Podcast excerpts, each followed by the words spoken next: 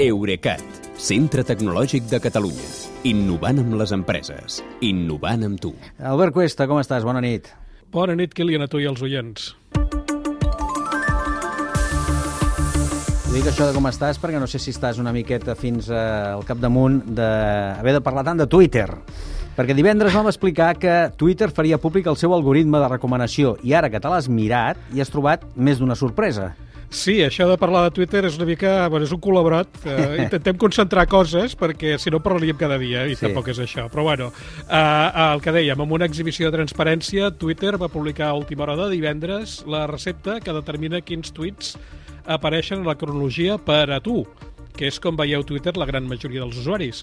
Uh, ara sabem que només la meitat dels tuits que hi surten són d'usuaris que segueixes, mentre que l'altra meitat te'ls tria una xarxa neuronal de 48 milions de paràmetres entre els 600 milions de tuits que es publiquen cada dia.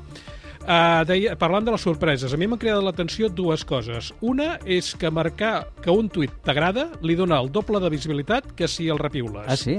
Eh, eh, que jo és el- el- és a l'inrevés del que m'esperava. Sí. I, I l'altra novetat o sorpresa que, que, que es veu al codi és que incloure un enllaç en un tuit penalitza la seva difusió cosa que va totalment en contra del que fem els periodistes i els mitjans en general, que és piular un titular acompanyat d'un enllaç perquè els interessats puguin ampliar la informació si volen. Certament, em sembla molt, molt paradoxal, totes dues, eh? em semblen paradoxals.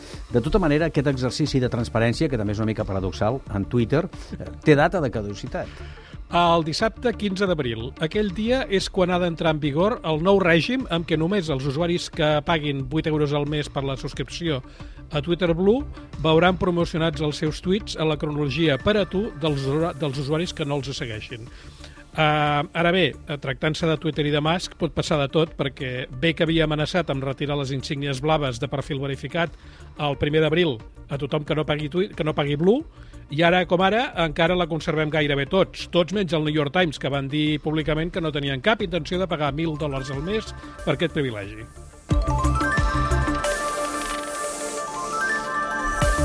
Un altre canvi, menys tècnic però més visible, sens dubte, és que des d'ahir Twitter ja no és la xarxa de l'ocellet blau, eh? sinó la del gos.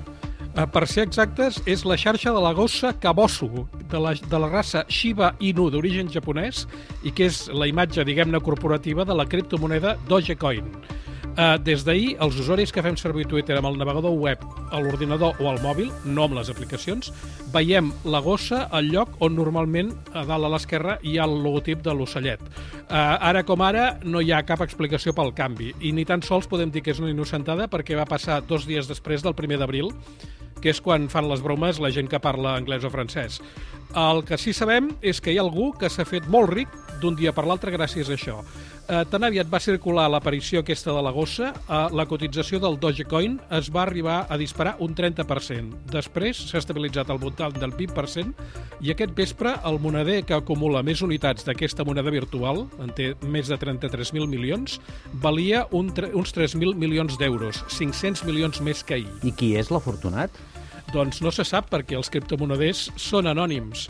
Hi ha qui ha especulat que el propietari podria ser el mateix Elon Musk fent servir la seva joguina a Twitter per inflar el valor del Dogecoin, però no hi ha constància. En tot cas, eh, Musk es troba aquests dies enmig d'un litigi on se l'acusa precisament d'haver inflat en benefici propi la cotització de diverses criptomonedes, inclòs el Dogecoin, aquella vegada que va anunciar que Tesla admetria criptomonedes eh, en pagament dels seus cotxes. També hi hauria una altra manera, una altra explicació menys cridanera per aquest canvi d'animal, no?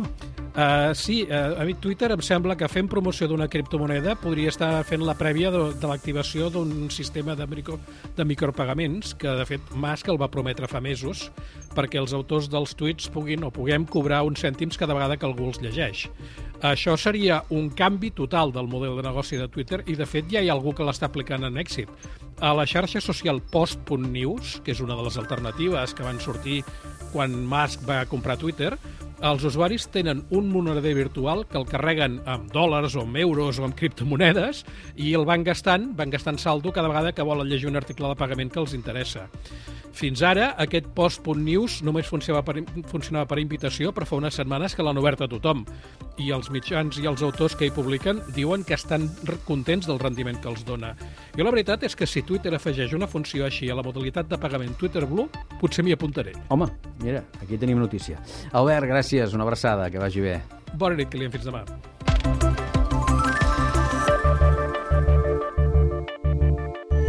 Eurecat, centre tecnològic de Catalunya. Innovant amb les empreses. Innovant amb tu.